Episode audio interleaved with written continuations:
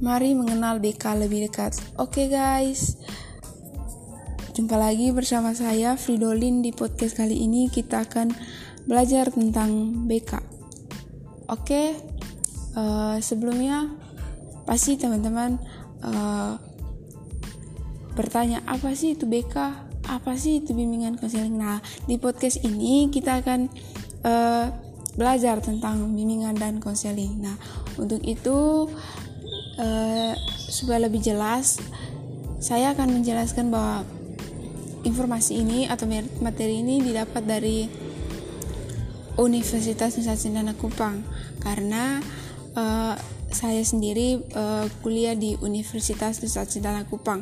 Oke okay guys, uh, sebelum itu kita uh, jelas dulu ya tentang uh, apa itu BK. Oke, okay.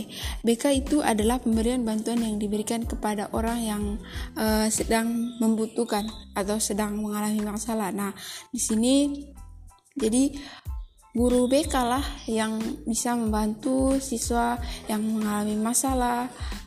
Jadi bisa menceritakannya di uh, guru BK juga ada tujuannya tujuannya itu tadi yaitu e, memberikan arahan bimbingan atau pendampingan serta bantuan kepada peserta didik. Dari pengertiannya saja teman-teman tahu e, dan sudah dijelaskan tadi bahwa pemberian bantuan kepada orang yang membutuhkan. Nah itu tadi. Jadi tujuannya seperti yang ada dalam e, pengertiannya tadi. Oke.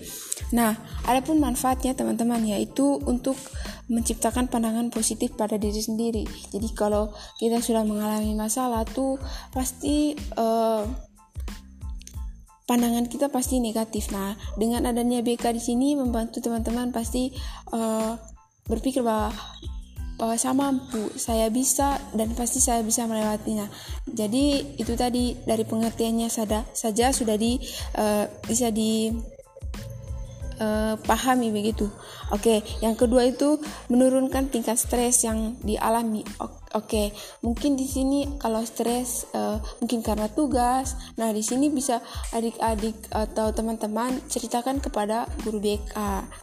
Yang ketiga itu membantu siswa untuk lebih memahami diri sendiri.